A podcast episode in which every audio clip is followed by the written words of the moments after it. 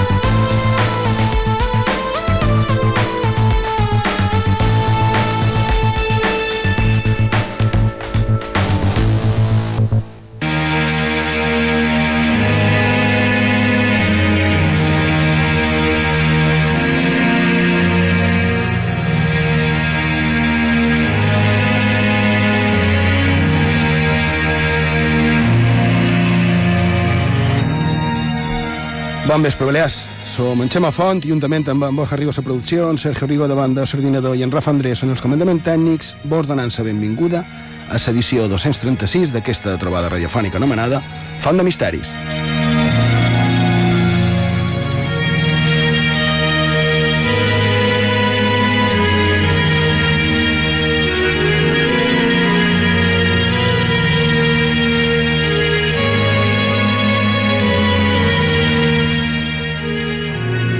Crec que és de justícia dir-ho, i a més vos agraïm els missatges, n'hem rebut un parell, un parell mallorquí, referent en el cas que vàrem comentar en el darrer programa.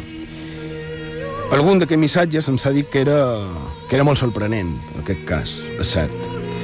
Un altre també ens demanava que menys si nosaltres li donàvem credibilitat. També un altre que ens demana si qui ho deia estic referint-me referint al testimoni d'aquell que ha suposat en contra amb un ésser estrany que hauria sortit del que coneixeríem com un ovni, i de, si aquell testimoni era d'una persona que estava bé. Ja m'enteneu. Clar, no poden respondre a la pregunta perquè no el coneixem, no coneixem personalment en aquest testimoni i tampoc, evidentment, no som ningú per determinar ni jutjar res, però també i aquí sí que volia entrar-hi, ens han enviat un missatge a un amic, coneixedor molt d'aquestes coses que parlam a Font de Misteris, i ens ha afirmat que fins a on ell sap darrere d'aquest cas, el que podríem dir que hi hauria seria una mena de frau. Mm? I com que el tenim, eh, qui mos ha fet arribar aquest missatge com a persona capdalt, en judici, i a més ens diu que té proves i de nosaltres també ho deim. El cas que comentant la setmana passada és referit a un albirament de l'any 1991 a Cala Tuent i que segons això podria ser un frau, amb més o manco intencionalitat, no ho sabem, però en qualsevol cas un frau. Si sabem res més, ho direm. És el que té tractar de segons quins temes. Clar, que en el final, com diuen uns amics de Font de Misteris, i en el final tot s'ha d'agafar amb pinces.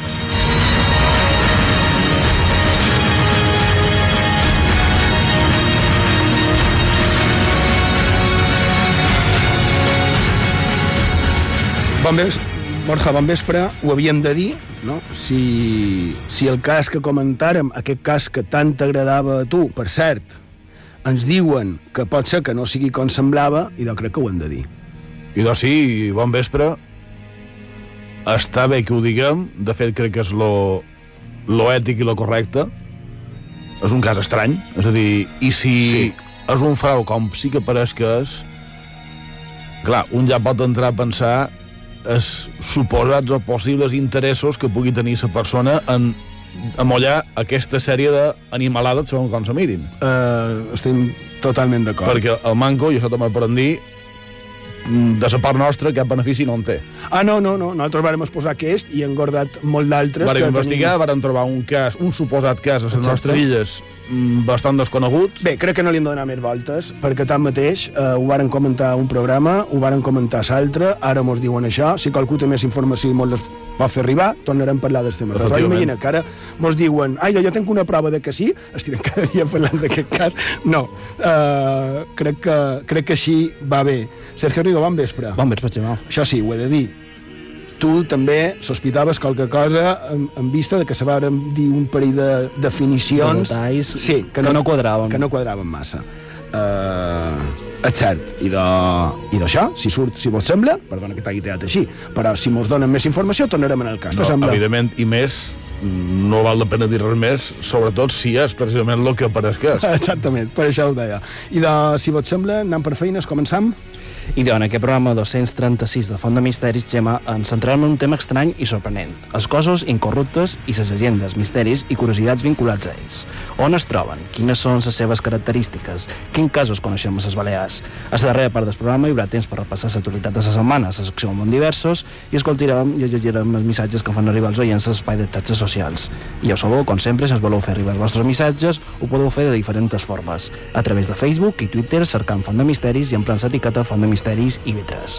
També a través del WhatsApp del programa. El número de contacte és 659 1669 52. Ho repetim, 659 1669 52. En el correu electrònic fontdemisteris arroba ivetresradio.com a Instagram cercant Font de Misteris i Vetres i també podeu escoltar tots els nostres programes en el servei La Carta d'Ivetres a ivetresradio.com, a ivox.com i a fontdemisteris.com.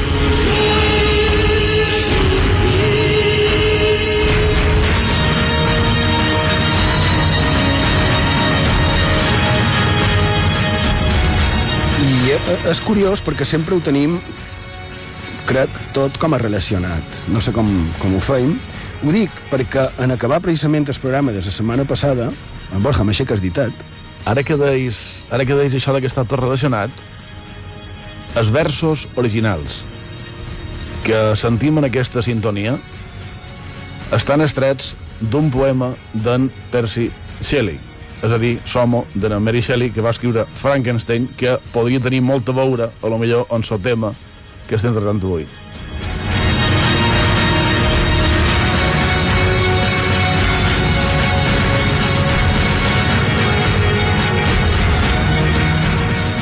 me dones totalment la raó de que tot sempre ho tenim lligat, eh? no, no deixem res a, a, a, a l'atzar ga- gairebé. Podria dir que ha estat intencionat, però no. Ah, no? Va ser, Ah, va ser a posteriori. ah i de, com sol passar, que tot està relacionat. Però això, que, que ens varen quedar comentant eh, el que havíem parlat, el que vàrem fer en el programa, feien la xerradeta, que feim sempre entre nosaltres, ho acostumam a fer. I ens varen fixar eh, en el tema de la curiositat de que parléssim de que el bon Jesús pujà al cel amb el seu cos. I com després, a un altre, amb, amb, crec que va ser en Borja, que va comentar una baixada de, del bon Jesús a, a, a, a la terra, o bé podríem dir-ho de com es va presentar altres vegades davant d'altra gent. Clar, és un tema, com dèiem, que si ho volem, ho podem atribuir a, a, a la religió, a fenòmens estranys, o bé, cadascú a, a allò que vulgui, no? Però en qualsevol cas, qualsevol opció, sempre estem davant del misteri.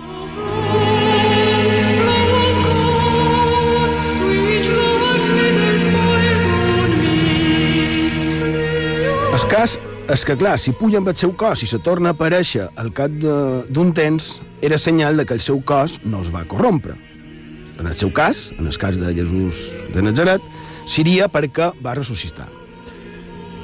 Perquè no, no va quedar mort, va tornar a la vida. Però sí que tenim casos d'altres persones que també, normalment atribuït a fenòmens religiosos, tenen el cos que no es descompon, que un pin morts no es desfan, que es votarien allò de qui a pulvis et in pulverem revertis, eh? allò de de sa pols venim i a sa pols tornarem.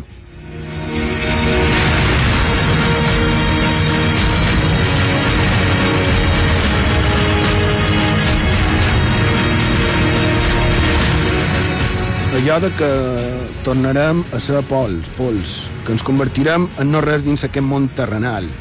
Una altra cosa és l'esperit i la cosa aquella del judici final segons, en aquest cas, l'Església Catòlica.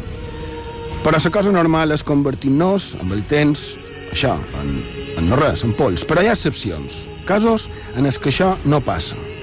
És, per exemple, el cas, aquí jo crec que és el més famós de les illes, el cas de la Santa Mallorquina, eh? la Catalina Tomàs, la Beata, que precisament va veure suposadament a Jesús segons una biografia del segle XVIII, eh? que és el tema del que vàrem parlar la setmana passada per mort del tema OVNI. Però en el que anàvem. Ella, la Catalina Tomàs, que té el seu cos incorrupte, que està eh, a la vista de tothom, i que es troba a l'església de Santa Magdalena, a Palma, eh, a prop de la Misericordi, en el començament del carrer de Sant Jaume. La tenen allà, tombada, dins una urna, una capsa de vidre transparent, i allà podem veure el seu cos. I la veritat és que, quan la veus, pensar que allà hi ha una senyora que va viure fa més de 450 anys i que encara el seu cos es manté, no deixa de ser, no sé, molt curiós.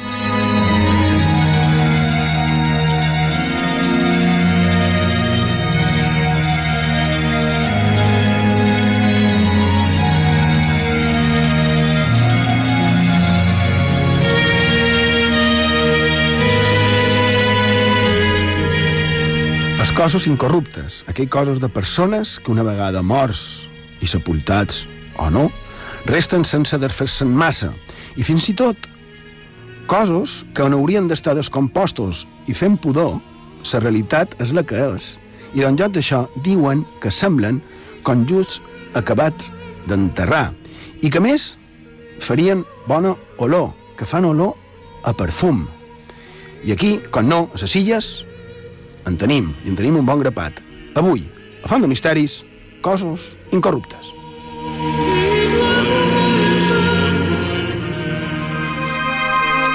on la història es torna llegenda, a on el més quotidià es torna màgic. Acompanya'ns a la nostra Font de Misteris a IB3 Ràdio.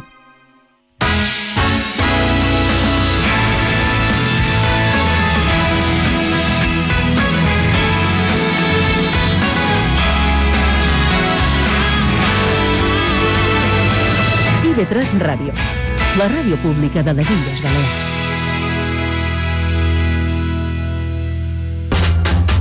A la gran vida sortim al carrer a cercar les veus, els projectes, les emocions, les paraules que fan que tot tingui sentit, perquè, de vegades, la cultura pot salvar-nos la vida.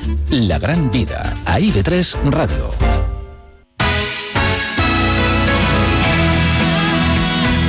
Eivissa i Formentera, escoltau IB3 Ràdio al 93.7 de la FM.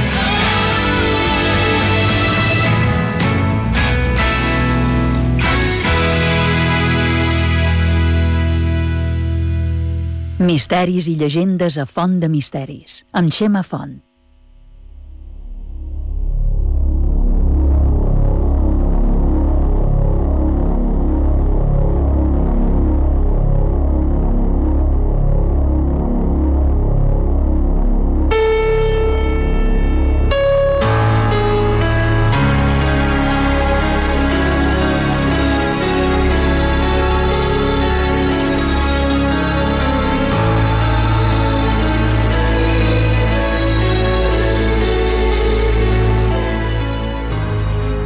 A Font de Misteris, a la sintonia d'IV3 Ràdio, la ràdio pública de les Illes Balears, a través de la xarxa d'internet mos podeu trobar a ib3tv.com i, com dèiem ara fa un moment, avui volem tractar un tema que, com feim a vegades, és d'allò més estrany i sorprenent.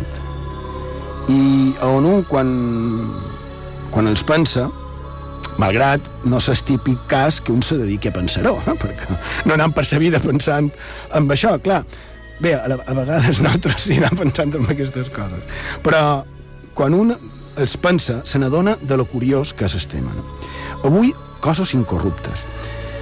Ah, bé, i, i com sempre, miram de, de fer-ho, de tractar-ho, eh, és el que volen que sigui el nostre estil, però sempre des del respecte a qualsevol creença. Eh? Nosaltres només es posarem dades, moltes d'elles increïbles, del tot increïbles, però que estan recollides per les cròniques. I moltes d'elles, clar, són com a mostra de religiositat o de santedat.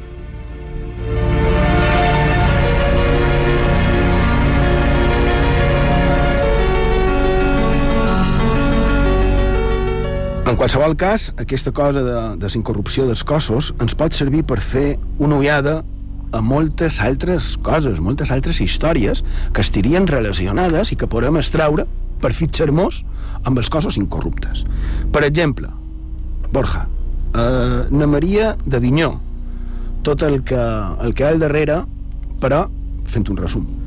I de Nam a l'any 1591. Se va fundar ben a prop de l'Hospital de la Sang, fa un moment el comentaves, junt amb la Misericordi. No sé si ho has dit, però ja és.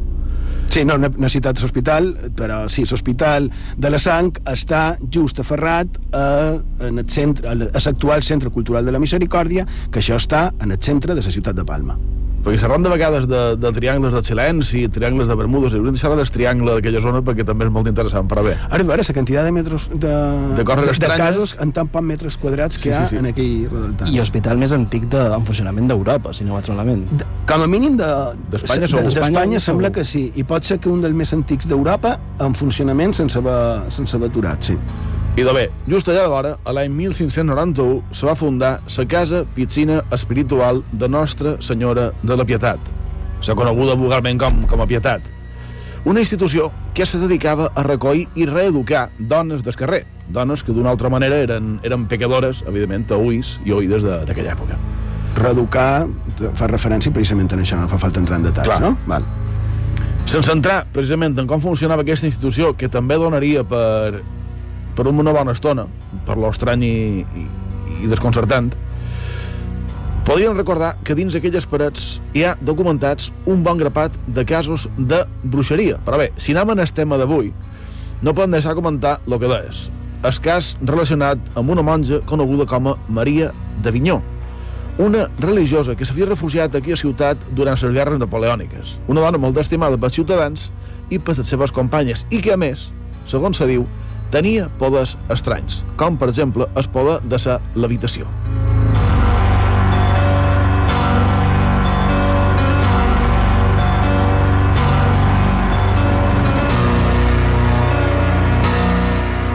De bé, dia 11 de febrer de 1832 se va morir i automàticament va canviar de malnom.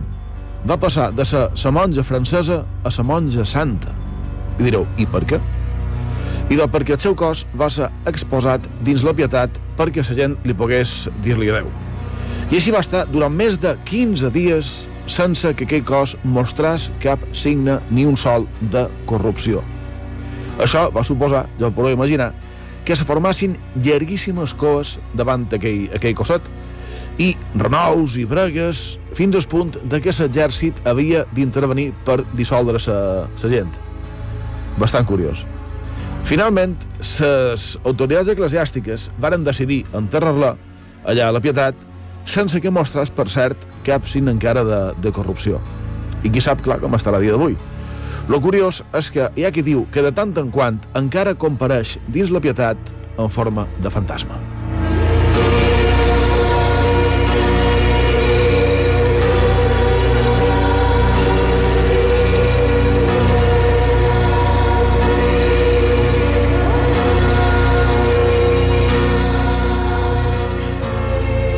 Jo crec que eh, a les nostres illes, principalment a Mallorca, si un diu la paraula incorrupta, deixant de banda, evidentment, la corrupció política i els possibles acudits que aquí no farem, i de quan un diu la paraula incorrupta, no se'ns ve al cap aquesta història d'Anna Maria de Vinyó que ha contat en, en Borja, que, malgrat ser apassionant tot el que en conten les cròniques d'aquella monja, eh, tot el que hi ha al darrere, i de, precisament, perdó, està gairebé, gairebé oblidada. No? Però si parlant d'incorrupte, se'ns venen altres coses. Que és el primer que se ve en el cap Bé, lo primer i lo segon, i principalment en els majors. Crec que en els joves no se'ls hi deu venir molta més cosa en el cap. Per això, què vos suggereix la paraula que vos ve en el cap si vos diuen incorrupte?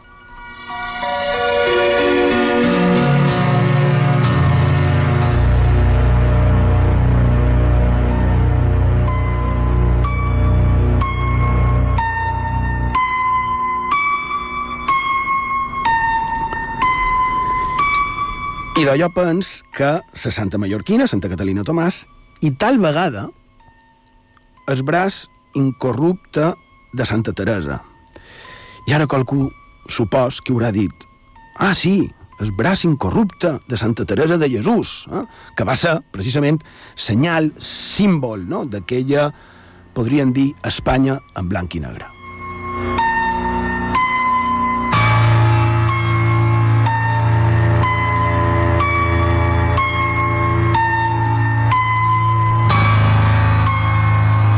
El braç de Santa Teresa, que a tu, Sergio, bé, a, i, i Borja, ho vàrem estar comentant, no? Ho varen comentar, efectivament, I, I què va passar? Que, bé, digueu vosaltres. que per, supos que per edat eh, ja ho tenia més present, és a dir, no és que l'hagi vist ni, ni hagi seguit el recorregut del braç, però, però sí que el tenia present perquè sí que va ser, efectivament, un, un referent, un símbol, un símbol. de, de, de l'Espanya desnodo. Exacte. Jo quan m'ho vas demanar no me'n recordava, però després vaig fer la reflexió vaig dir, clar, Eh, Però hem de recordar que tu ets historiador, que estàs eh, especialitzat en història contemporània, i clar, és més fàcil, però estic d'acord en que no és una cosa molt habitual. Eh, Sí, no, no és una cosa que estiguis, en- Precisament estiguis és en el que comentaves fa un moment. La gent normal, nosaltres potser ens sortim una miqueta de- d'aquest sac, però Amb aquestes amb coses, aquestes te puc coses sí. No va pensant en, en no. cossos incorruptes, ni en monges que leviten, ni en braços de santes, evidentment que no. No. Uh, bé, però el, el braç incorrupte de Santa Teresa, això és Santa Teresa de Santa d'Àvila. Que... Bé, és que d'ella, a més, no només el braç, diuen que es conserven totes les seves restes incorruptes. Que no parlarem ara de Santa Teresa, encara que ben bé podríem dedicar-li tot el programa, perquè hi ha molta cosa darrere, evidentment, però jo volia anar eh, en el conegut com el braç incorrupte, que és, ho explicarem una mica, que és el que tenia a la seva disposició en Franco a la seva residència del Pardo.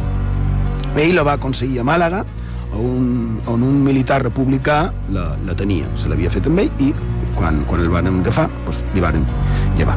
I fins a on sé, és curiós, el, el braç de Santa Teresa, el braç que tenia en Franco per a la seva devoció personal, realment no és el braç. No ho és. És la mà dreta. I a més, li manquen dits. Que, per cert, això no sé si vosaltres ho sabíeu, jo no, no, no, no ho havia lligat, però cercau imatges. Tu ara, eh, Sergio, podries cercar imatges. Aquesta mà està dins un relicari que té forma de mà. Una peça de- d'orfebreria, que és, és dorat, té pedres, i és molt semblant, no imaginareu a què, ni més ni manco que la mà d'en Thanos a la pel·lícula Vengadors Infinity Wars. Cerca-ho.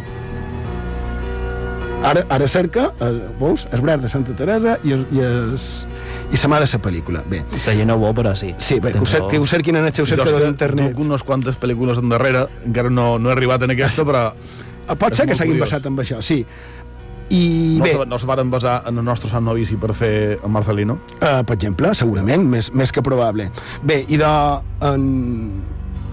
Aquest, aquest braç era el que tenia, com he dit, en, en Franco. Però, en canvi, i aquest sí que va venir a les illes, va ser el braç incorrupte de Santa Teresa.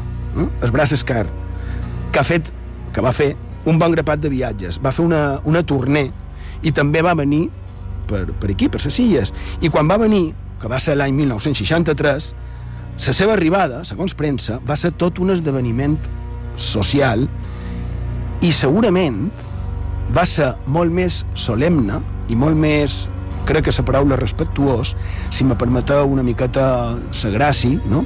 que la seva arribada a Nova York. Perquè Nova York va tenir problemes eh, fa anys d'això, eh? a la duana.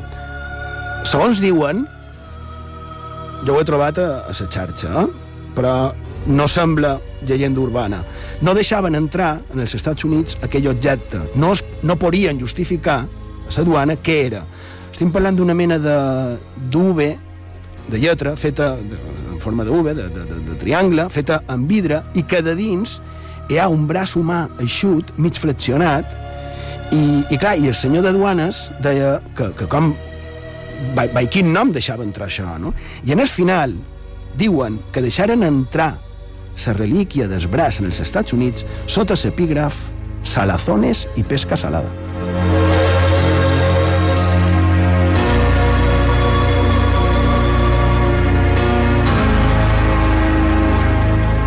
I això de Santa Teresa me va venir en el cap perquè vaig pensar un cos incorrupte del que diuen que quan va ser desenterrat, després de nou mesos de la seva mort, malgrat tenir les robes desfetes, de, de, del seu cos, pròpiament, es diu que se'l trobaren com si fos just enterrat.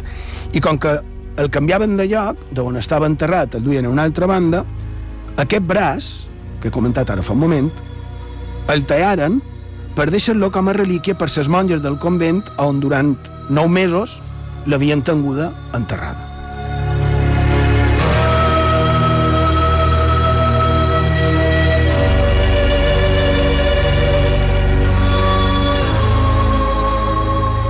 I vaig pensar en això perquè si ja es lleig arrabassar un bocí d'un cos humà per quedar-se de record o com a relíquia, cadascú pot triar el nom i motiu que vulgui, molt més sorprenent, al manco allò, me resulta que se li talli el braç, que, que ja dic, quan diuen que el cos estava del tot incorrupte. Imagineu l'escena.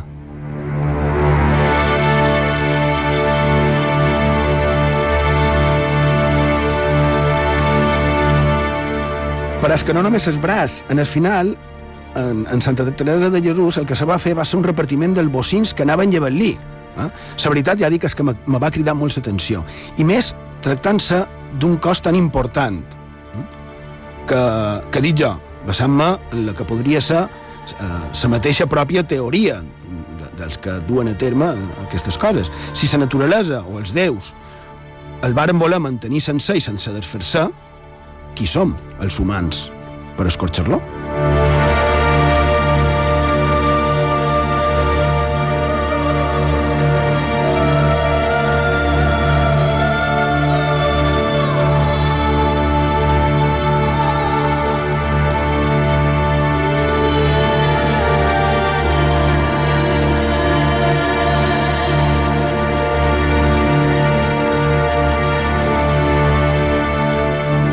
Sona una mica gore, una mica raro, però clar, ho he dit perquè el tema de Santa Teresa venia per la nostra santa, la coneguda com la Beata, a la que he dit que es pot veure l'església de Santa Magdalena. Però ho deia perquè a Valldemosa, a la que va ser la seva casa natal, la de Sor Tomaseta, hi ha una relíquia seva. I clar, un pensa, tenint el cos incorrupte, també li llevaren bocins?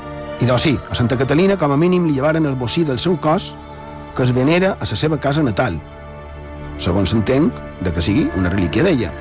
I com a curiositat, el cor que té de vora d'ella no és seu, perquè en el seu, en el seu taüt, també aquest taüt de vidre, també hi ha, o hi havia, perquè no sé si encara és, un cor humà. És el cor del cardenal Despuig, que va ser el que vam anar a fer aquest precis, precisament aquest taüt de vidre on encara, això sí, està ella, no? que dèiem abans, a part que també sembla que escorxaren a, en, en Despuig.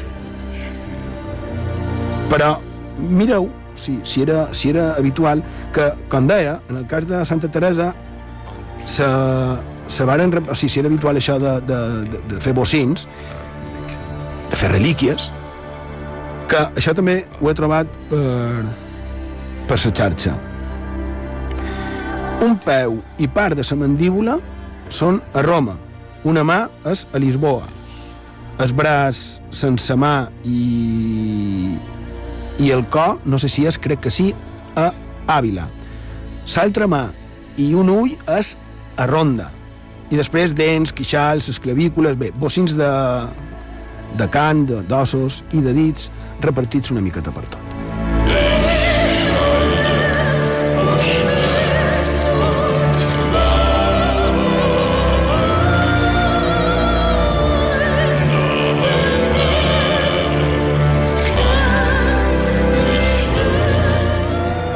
En relació amb això que deies de, d'escó de, del cardenal Despuig, si la informació que tinc no és incorrecta, avui, a dia, avui en dia ja no hi ha tan sols el cos, sinó que al final va arribar el cos sencer del cardenal. Bé, o el que, o el que queda dit, llevat de... És a dir, en no. principi sí vam anar ell mateix que enterrassin el seu cos allà, de fet, hi havia una inscripció que posava el meu cos teu. Sí, exacte, d'aquí I venia. posteriorment se va acabar enterrant el, el cos. Fins on sé?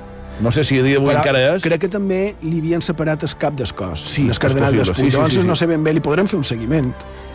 Des de luego, el que deies abans, no tothom se fixa en aquestes coses, però li podríem fer un seguiment a què va passant finalment amb I, el cos i això que del cardenal també del repartiment de restes, me recorda altres casos que tenim a les illes bastant, bastant curiosos. Sí, la veritat és que sí. I, i lo de, lo de les restes aquestes que comentàvem, la majoria, de més, li varen llevar abans de que fos canonitzada, que és el que deies tu abans d'Anna Maria d'Avinyó, que quan era morta ja la gent ja hi anava a venerar-la i això, no? O sigui, abans de ser santa, abans de, de ser canonitzada, ja se...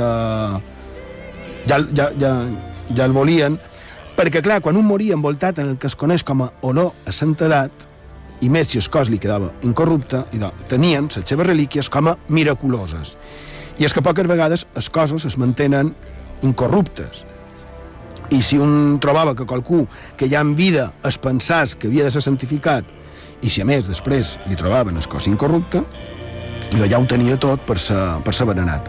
Aquest, per exemple, va ser el cas també de Santa Caterina Tomàs, perquè el pare Llompart ens diu a un escrit que estava per ell, era un expert en pintura,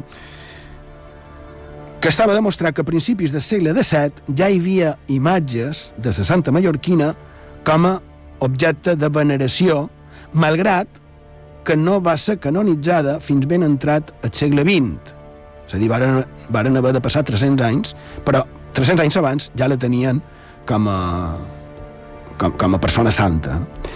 I fins i tot hi ha casos que no han estat canonitzats ni beatificats, però els hi va passar una cosa semblant en això que hem vist.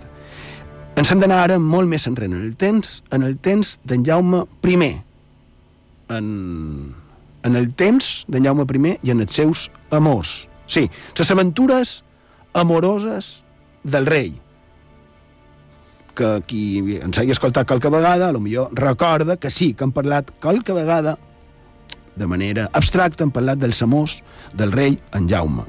Ja han contat qualque vegada que en Ramon de Penyafort, que acompanyava en el rei en Jaume, Ramon de Penyafort, que va ser sant, o és sant, que és aquell que va fugir de Mallorca des de Solla, ho va fer d'una manera sobrenatural, tot sigui dit de pas, però va fugir de l'illa de Mallorca i ho va fer per mor, entre d'altres, diuen que per aquesta vida dissoluta de, del rei. Eh? Perquè, segons aquesta teoria, ell era una mena de conseller, de confessor del rei, i el rei en Jaume era un poc, diguem, un poc golfillo. Eh? El cas és que, a més de les seves dones, les que va tenir oficialment, a part també van, va tenir un parell que podríem tal vegada anomenar amants. Eh? I entre elles estaria na Teresa Gil de Vidaura, del que mos diu, la història que mos diu el llibre de Catalunya i de la Corona d'Aragón, del cronista Balaguer, això és de l'any 1860, diu, y aquí es fuerza decir que todas las probabilidades están en que doña Teresa fue realmente esposa y no querida de don Jaime. Hay muchos indicios para creer que se unió a ella en matrimonio secreto y que luego la repudió.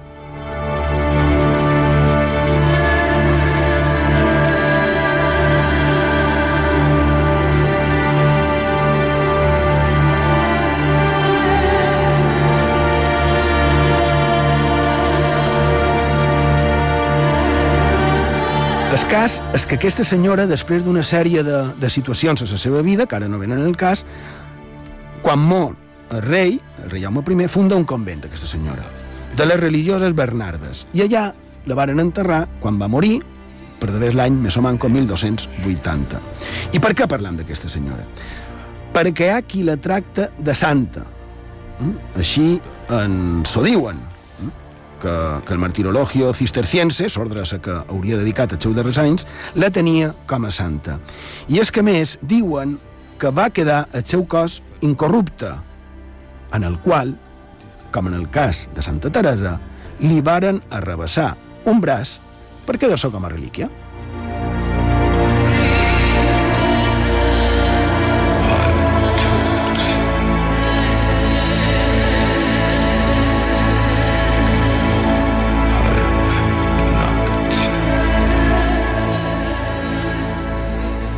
Malgrat que el seu convent, el que ella va fundar ja no és, el seu cos incorrupte estaria a un altre convent, en aquest cas seria a València. Va ser traslladat a Llàrica, a Castelló. I, I bé, ja que ha tractat un tema de, de la realesa i fent un vot per la península, encara que, com sempre, relacionat en les nostres illes, tenim també un d'aquests casos molt curiosos i interessants, Borja. I doncs sí, una altra, una altra història curiosa. A 16, 1652 va morir el cavaller Don Tomàs de Torrella, descendent del Torrella que van precisament acompanyar el rei en Jaume a la seva conquesta de Mallorca en 1229. Va ser enterrat a la Basílica de, de Sant Francesc, a Ciutat de Palma, en aquest cas a la capella de Sant Pere Regalat. Segons se diu, per unes contingències, tampoc s'explica molt bé quines, 50 anys després obrir aquell sepulcre i se trobaren que en Torrella estava més que perfectament conservat. Devia ser tan impressionant, atenció, que el propi vicari general va voler examinar-lo i ho va encomanar també a un grup de físics, és a dir, dels metges d'aquella època. Tots van confessar que allò no podia ser obra humana, sinó que havia succeït per intercessió divina. I el més fascinant d'aquesta història no és que ho diguessin, que està molt bé, sinó que ho varen signar davant un notari.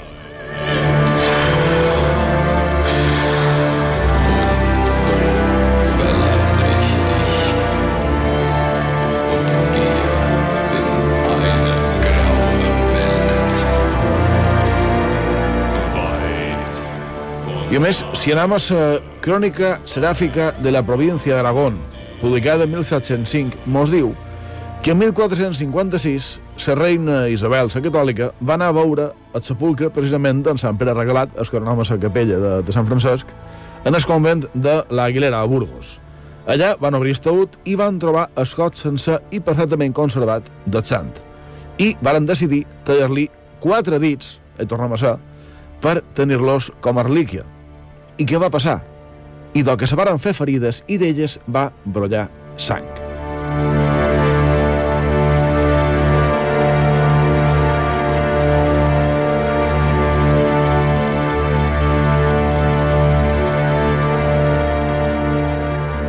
És ben curiós que el sant aparegués incorrupte i que un cavaller nostre enterrat una capella en son nom d'aquell mateix sant també comparegués incorrupte. No, no vos pareix?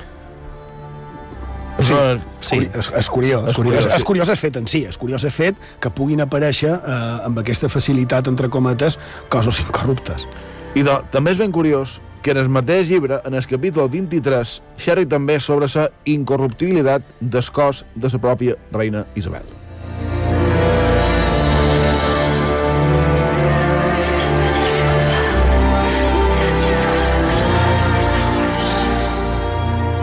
Incorruptibilitat del cos de la pròpia reina Isabel la catòlica, no? Efectivament. Jo crec que això millor ho deixem per una altra història.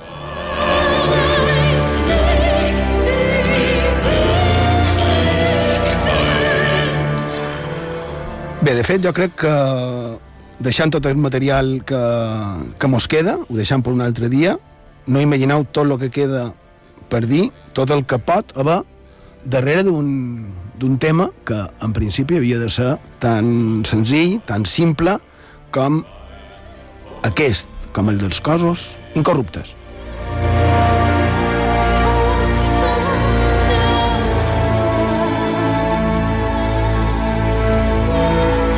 Misteris i llegendes a Font de Misteris, amb Xema Font.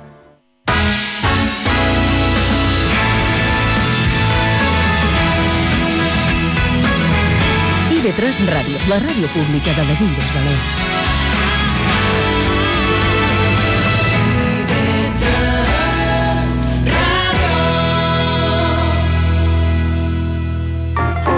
Natàlia Blanes et convida a passar pel club de Som Grans. Aquí el que es du és tenir més de 60 anys, arrugues i experiència de dojo. Som Grans, dilluns a les 8 del vespre a IB3 Ràdio.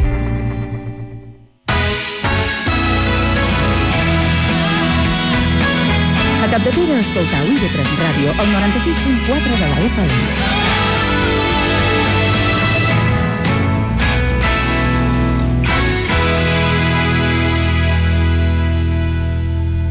Misteris i llegendes a Font de Misteris, amb Xema Font.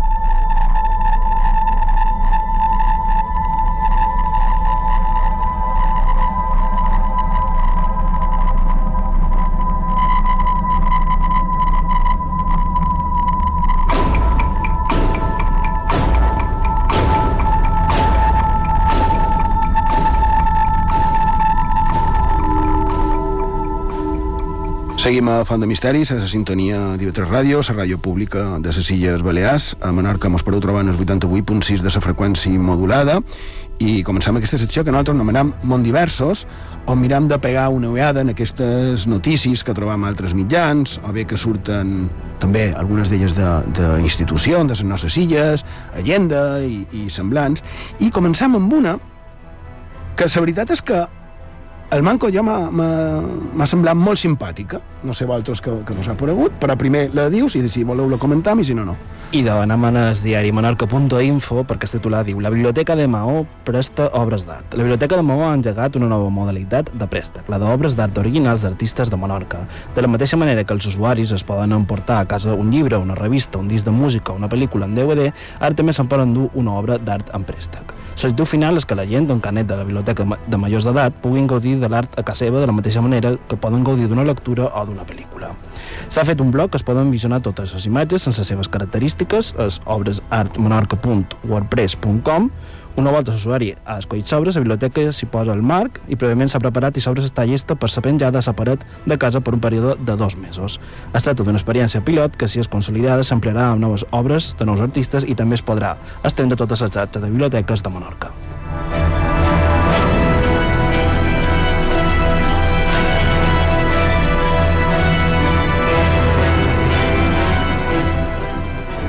Ja l'he trobat simpàtica. És, és molt, molt interessant i pot ser molt divertit. Jo crec que sí. De fet, crec que s'hauria de fer eh, extensible a les nostres illes. Esperem que, es, que, perquè que tinc funcioni. qualque autor, autora en ment que estaria molt bé Bueno, Sí, sí, sí. aquí eh, diversos estils i tot això, però igual que penjam a les cases que mos venen aquestes llàmines d'autors reconeguts i tot això, que no deixa de ser una, una fotocòpia en color, una, una làmina que venen a ses, sobretot les grans superfícies fan aquestes coses, jo me sembla... I ara pots tenir l'original. Exactament. I si després t'agrada tenir obres d'art davant de veure la teva, lo millor acabes eh, tractant d'adquirir-les tu mateix. Jo crec que és una bona iniciativa. Mentre quan el pengis no se despeny ni se desfaci com certes obres d'art. No vull entrar no vull entrar en aquest tipus de, de història perquè no, no m'agrada no conceptualment parlant, no m'agrada No, a mi tampoc, però per, per, curioses uh, sí, ja ha estat una bona idea però fixa't no volíem parlar i hem parlat o sigui que uh, aquell senyor ho va aconseguir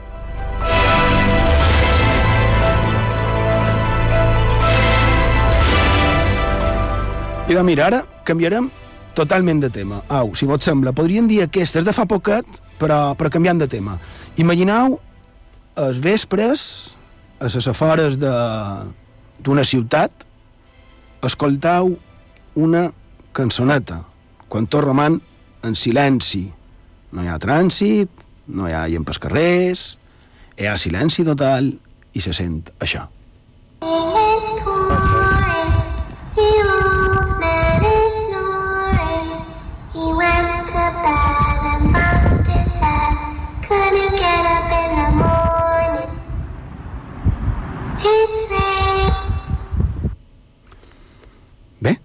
ara aquí, cadascú que, no sé, que, que, faci, que faci volar sa, sa seva imaginació.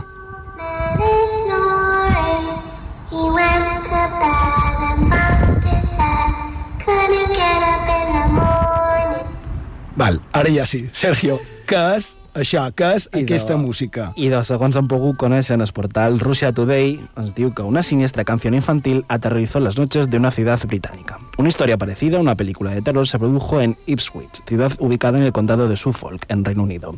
Durante más de un año, residentes de las afueras de la urbe se despertaron de noche por una espeluznante canción infantil, que previamente, de un origen desconocido, sonaba repentinamente.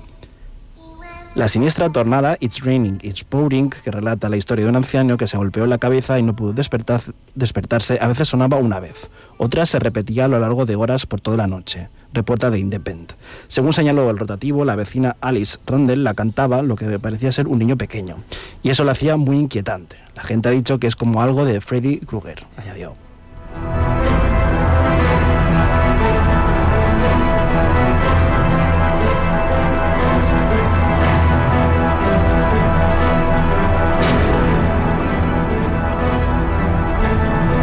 Res a dir. It's raining exploring. Exacte, això és el que, el que diu. Bé, és, crec, que, crec que és simpàtic. Mm, crec, Sergio, ja que l'hem citada, hem de xerrar de novetats sobre la vida de Santa Teresa. Eh? No hem dit en el començament que tot està lligat i de, damunt d'escaramuller de notícies que tenim, tenim aquesta de Santa Teresa, perquè en el diari El País han llegit que halladas unas cartas manuscritas de Santa Teresa a su otro amor. Santa Teresa de Jesús tuvo otro amor aparte de Dios, uno más carnal y menos confesable, Jerónimo Gracián. A él le dirige una de las dos cartas manuscritas e inéditas halladas en el marco de una operación de la Guardia Civil junto a 19 obras de arte. Santa Teresa tenía ya cerca de 60 años, pero eso no impidió que se apasionara con ese fraile joven y comprometido, dispuesto a acompañarla en la renovación de una iglesia carcomida por la deprivación que aquellos años, en 1578, con algunos frailes, bebedores y puteros y monjas corrompidas. El ámbito eclesiástico se encontraba inmerso en arduas luchas de poder entre los dos grupos de carmelitas, los calzados y los descalzados. Para mi padre, el maestro Fray Jerónimo Gracián de la Madre de Dios en su mano, arranca la misiva. Teresa de Jesús y Gracián tuvieron que soportar las habladurías que su relación provocaba en su comunidad religiosa, sobre todo Gracián, que acabó huyendo de sus propios hermanos, los carmelitas descalzos que lograron expulsarlo de España.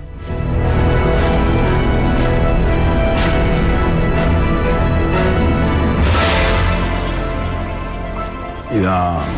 No sé si en teniu res a dir, jo, crec, jo no diré res, això ha sortit en el país, jo no tinc res més a dir després de tot el que hem parlat avui. No? Notícia curiosa, sí. Sens dubte.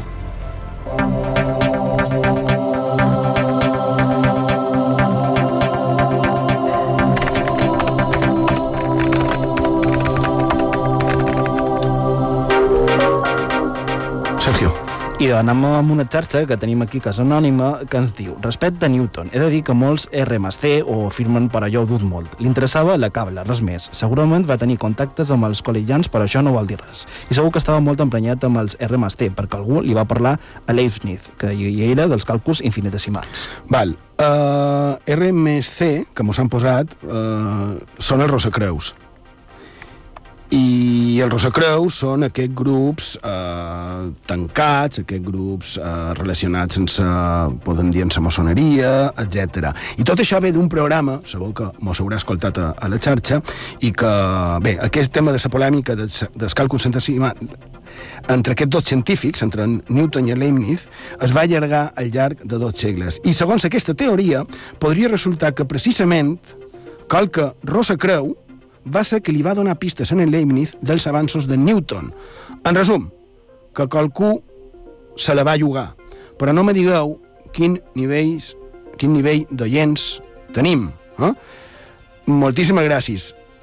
I de pas dir que encara no hem parlat mai del Rosacreus, ni tampoc de tot el que hi ha al darrere. Queden coses per contar, moltes. Això és Font de Misteris.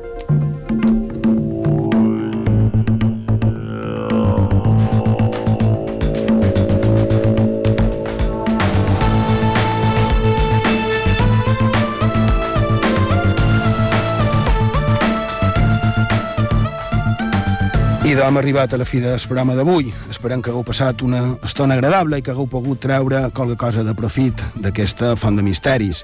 I bé, eh, seguiré insistint amb això, un tema que ja hem parlat diverses vegades, però és que crida l'atenció que en el darrers temps s'hagi incrementat el nombre d'accidents de trànsit. Es va incrementant. I això que havia està disminuint al llarg de, del darrers anys a mesura que la tecnologia i les millores dels vehicles i de les vies anaven consolidant-se. Però ara fa un grapat d'anys que això ha canviat. I a què es deu? I de principalment a les distraccions. Distraccions al volant. És a dir, que cada vegada anem més distrets i tots ho sabem. Tots som coneixedors. Però sembla que no és suficient. Cada pic hi ha més accident en el volant. Un es confia a la conducció, creu que està en una situació que no representa massa perill, agafa el mòbil, eh? es distreu, es confia, reenvia un vídeo xorra, un meme, o diu que ara arribaré, i es produeix un copet per proximitat, o el que és molt pitjor, sortides de carril, cops frontals, atropellaments, i sovint cada pic més en resultat de morts. I aquell darrer missatge enviat es fa de veres el darrer que mai s'enviarà. Un no pot evitar un accident, podem tractar de minimitzar el risc, clar que sí, però aquí, ara, del que estic parlant, en aquestes utopies de gairebé la mitjanit del dissabte i vetres ràdio, és demanar de conduir el vehicle, cotxe, moto, bicicleta, patins, patinats, el que sigui, i a la vegada fer ús del mòbil, que es converteix en un dels altres perills reals i vertaders del món modern, de la tecnologia, i és que és una realitat, i és molt, molt més dramàtic del que pensam. L'altre dia, la carretera Sant Antoni i Vicevila, una jove anava en moto, conduïa i a la vegada mirava el mòbil. Anava a poc a poc, però mirant el mòbil. S'atura en el semàforo, segueix amb el mòbil, el cotxe de darrere s'atura també, també anava mirant el mòbil, jo anava a peu, estava esperant en el semàfor, i veia que els dos primers vehicles de la filera anaven amb el mòbil, la moto i el cotxe. El semàfor se posa en verd, i tots dos comencen a circular i segueixen mirant el mòbil. Just en aquell moment, un vianant, un vianant que també per cert anava mirant el mòbil, travessa perquè el seu semàfor estava en verd. Els vehicles que voltaven el carrer tenien en taronja, la moto se n'adona compte de que hi havia un que caminava, massa just, no l'havia vist, tracta d'aturar en sec, perd l'equilibri i el cotxe de darrere, que també anava en el mòbil, no té temps a reaccionar. Podeu imaginar el resultat. Això fa cinc anys no passava tant. I la culpa és nostra, a prop de la meitat dels conductors que tenen mòbil reconeixen, reconeixem que qualque pic s'ha pogut fer ús de, en el volant o manant un vehicle. Manant un vehicle perquè un altre, fa, fa poc, també una bicicleta era. Un jove anava en sa bicicleta i se va menjar literalment una farola. Anava sense mans perquè les estava emprant totes dues amb el mòbil. Jo supos que xatejaves, igual. I ja, estaria bé que fessin estadístiques reals. De moment, la Direcció General de Trànsit estudia posar multes i sancions molt més grosses ens han de sancionar perquè prenguen consciència de la realitat i la realitat, perdó, és que els accidents són molt més fàcils de tenir, però són molt més fàcils d'evitar. Jo record, en el que va ser el meu professor d'autoescola, en Bernat Roig, fa anys ja, que sempre me deia veure i preveure. I tenia tota la raó. Ara, amb els mòbils, ni es mira ni es preveu, anant pendent d'altres coses. I la veritat, el resultat és que cada dia mor gent a les nostres carreteres. Crec que prop del 30% dels morts a les carreteres i carrers i autovies i camins ho són per mort d'això. I clar, sempre pensant que a nosaltres no ens pot tocar. I sabeu, ens pot tocar a tots, a qualsevol, qualsevol desgràcia, no fa falta dir res aquests dies. Fins i tot pot anar tranquil·lament i que t'atropellin, que et copegin. Quant de casos darrerament hi ha? És terrible, parlant de vides humanes, i és molt fàcil evitar-ho. Per favor, deixem els mòbils davant dels vehicles. Fa pocs anys no el teníem i no passava res. Ara, el que passa és que s'incrementen les víctimes de trànsit. Fassem que no ens puguin llevar el canet de conduir per aquest motiu. Fassem que les nostres vies siguin segures. Fassem que no hi hagi més víctimes per les nostres imprudències. Fassem que no hi hagi més innocents que perden sa vida.